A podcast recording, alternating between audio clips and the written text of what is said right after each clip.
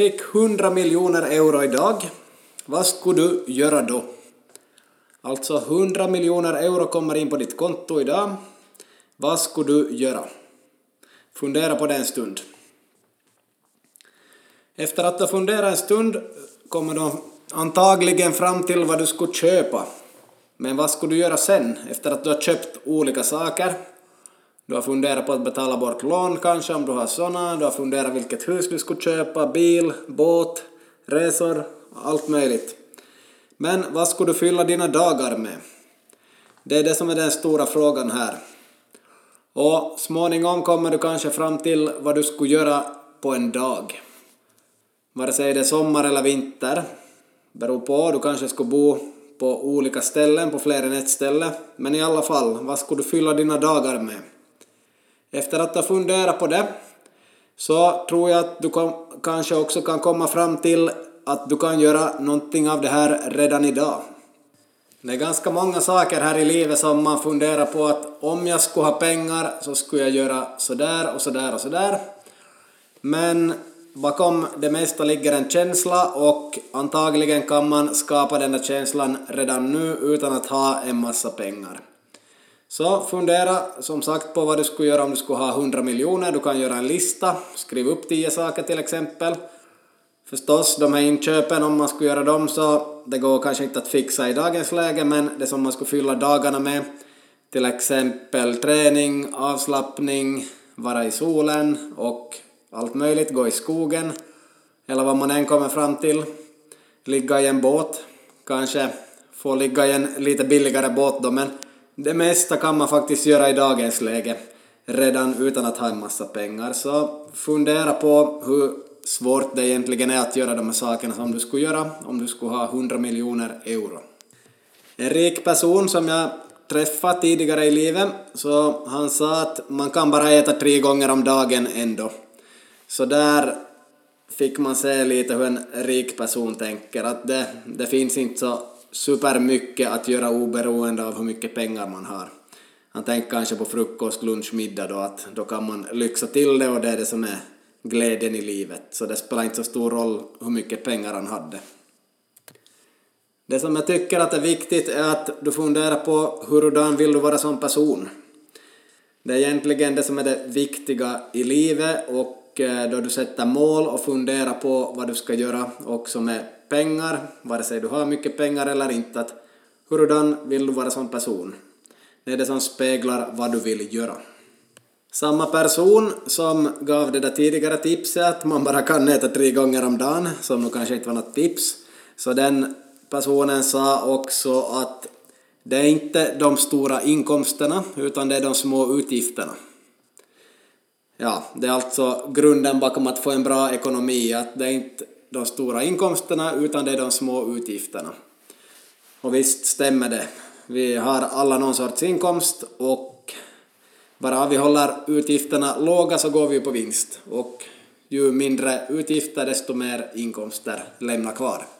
Så det är ju ganska smart uttryck. Frågan är alltid att ska man spara eller ska man slösa? Ska man investera i god avkastning ekonomiskt eller ska man investera i hälsa och livsglädje? Så man kan ju fundera om man ska köpa saker för att fira någon bra idé som man redan har och sen först genomföra den här saken. Det är ju lite att fira på förhand. Man kan fira allting två gånger, då man har kommit på det och sen då man har klarat av det.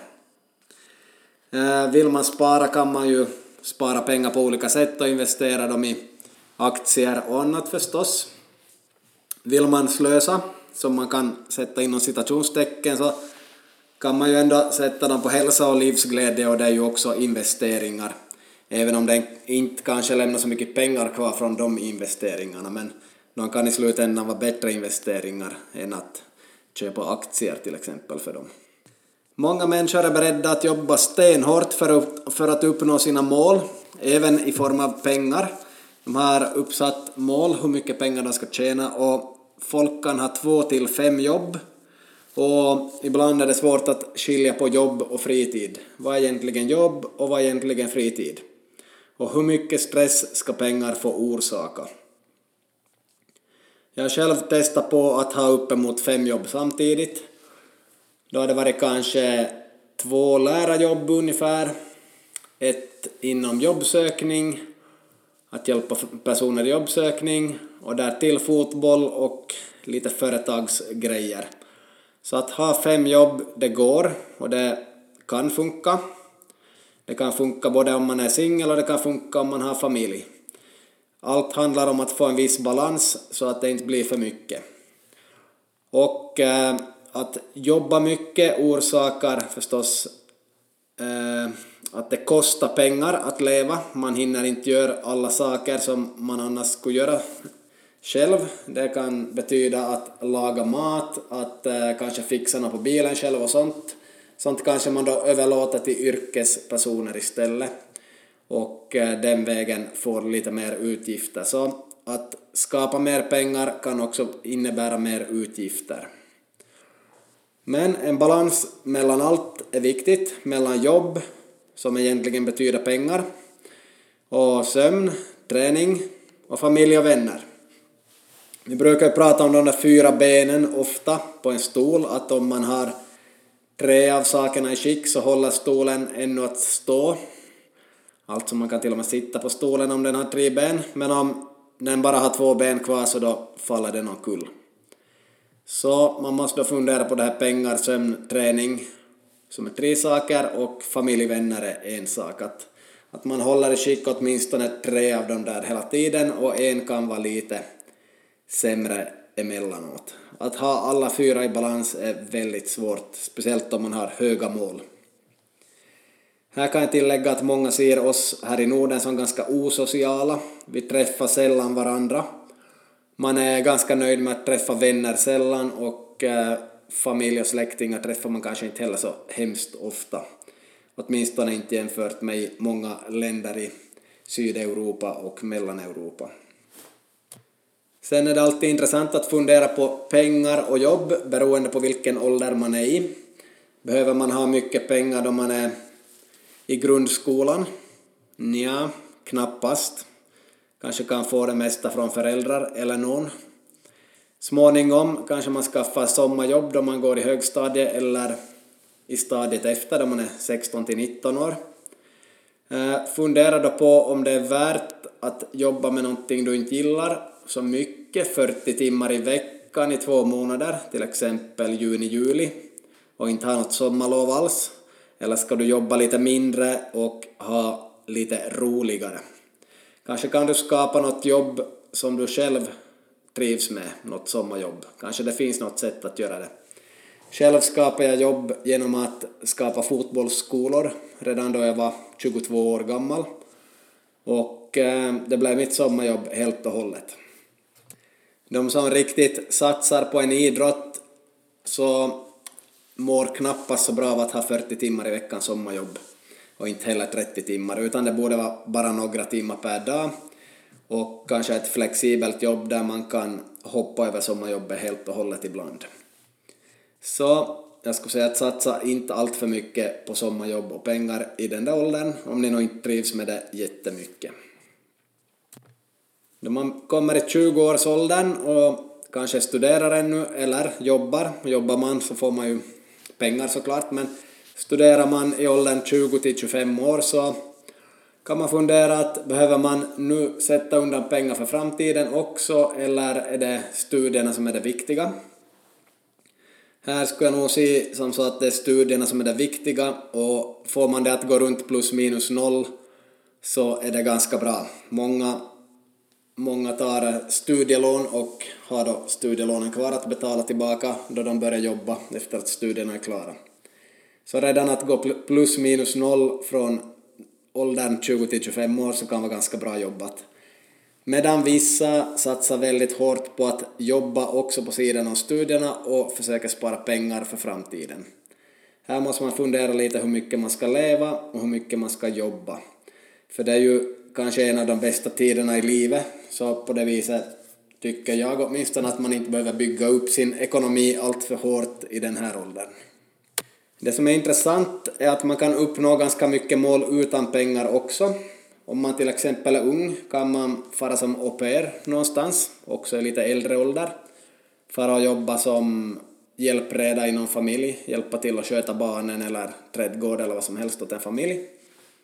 Man kan tågluffa genom att fara på Interrail.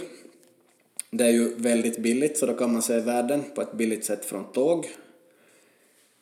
Och man måste fundera var man sparar och var man slösar. Man kan spara mycket på ett ställe och slösa på ett annat.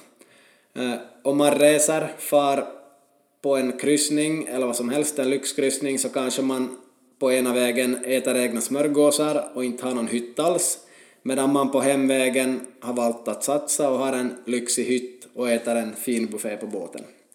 Och det här bara som ett exempel, det går ju att göra det på olika sätt. Samma sak om man resa med tåg eller någonting annat, att okej, okay, på ditvägen satsar vi allt, nu ska det vara lyxigt, och på hemvägen så är det lite fattigare och lite mer lågbudgetmat som gäller. Sen tänkte jag nämna ett mål som jag har och det heter så här, en lyx om dagen. En lyx om dagen. Så helst även mitt i jobbdagen ska man hitta något sätt att lyxa till sin dag, åtminstone hela dagen får inte gå utan att man lyxar till det på något vis. Helst ska man också få in någonting i jobbdagen. Eh, mitt i jobbdagen kan man kanske få in en lite längre lunch med någon man känner som man vill äta lunch med, eller kanske få in en lunchpromenad eller till och med ett gympass eller något annat om det finns möjlighet. Så en lyx om dagen och en lyx per dag blir sju lyx i veckan. Vad som är lyx får ni bestämma själva. Sen tycker jag att det är ganska långsökt att åtta timmar jobb ska ge mer effektivitet och pengar än till exempel fem timmar jobb med stenhårt fokus.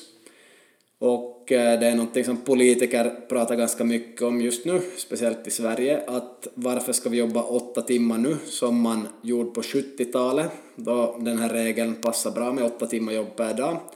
Nu för tiden har vi massor med maskiner som snabbar på jobbet.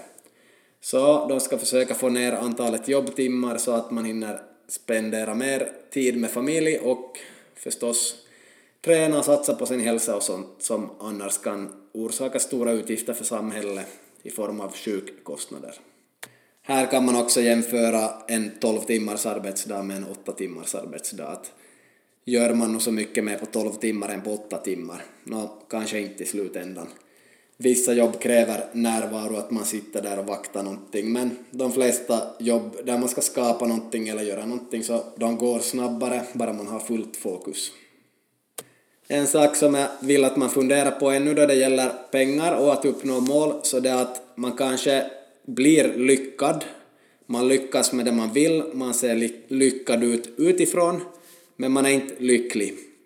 Så det kan vara ett stort problem. Också fast man är rik, finns personer som har haft som mål att bli rika, få mycket pengar, har köpt två Lamborghini och en Corvette och ett jättefint hus, så nu har man blivit lyckad, anser man själv, och andra människor tycker att man är lyckad, men man är inte lycklig. Så då har man verkligen problem ändå. Så det är skillnad på att vara lyckad och lycklig. Avslutningsvis kan jag ännu upprepa det här med att fira allting två gånger. Det värsta som kan hända är att du har blivit glad i onödan första gången du firar det. Så då ni har någon riktigt bra idé, fira idén och då ni lyckas uppnå det här så fira en gång till.